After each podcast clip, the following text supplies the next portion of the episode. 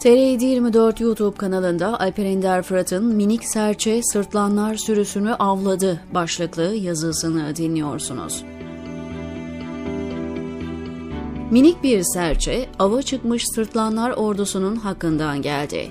Teslimiyeti ifade eden beyaz bayrağı sallamak da AKP'nin eski genel başkan yardımcısı, şimdilerde genel başkan danışmanı olan Yasin Aktay'a düştü. Aktay, tamamı muhafazakar İslami kesimden insanlardan oluşan WhatsApp gruplarında Sezen Aksu'nun bu sözleri hakaret maksadıyla söylememiş olduğuna ve elbette lafız yanlış olsa da bu kadar tepkiyi hak etmediğine ettiğine dair çok güçlü bir kanaat var diye açıklama yapmak zorunda kaldı. Sırtlanlar sürüsünün başı gözüne kestirdiği minicik bir serçeyi bütün aleme ibret olsun diye paramparça edip atacaktı. Nedenli kahraman olduğunu bütün sürüsüne gösterecekti. Ancak hiç beklemediği bir darbe yedi.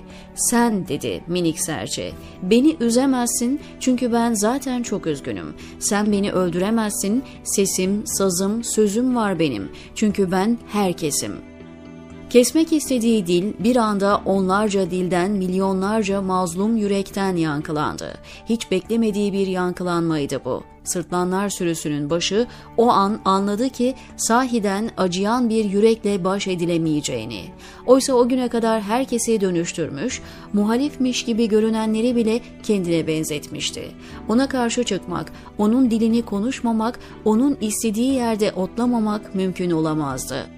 Sezen Aksu'nun da tehdidi yer yemez ona dönüşmeye başlaması, onun dilini kullanıp efendim beni yanlış anladınız mealinde sözler söyleyip yola geldiğini hissettirmesini bekliyordu.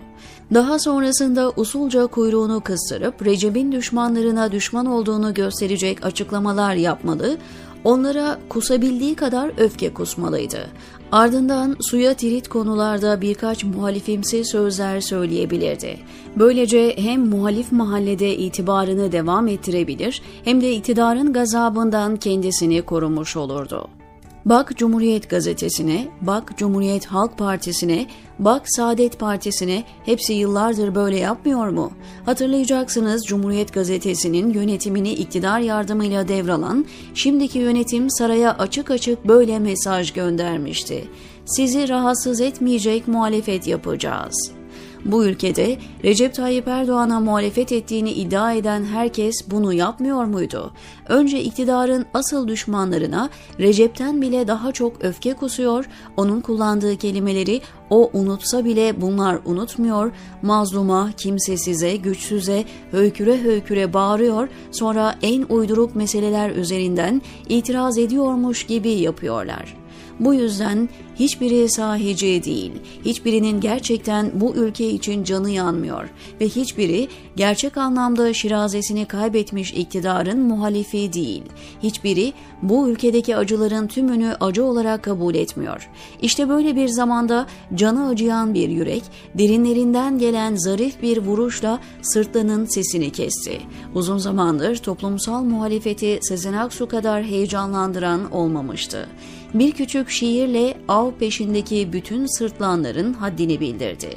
Ava çıkmış sırtlanlar sürüsü bir anda kendileri av haline geldiler, diyor Alper Ender Fırat TR724'deki köşesinde.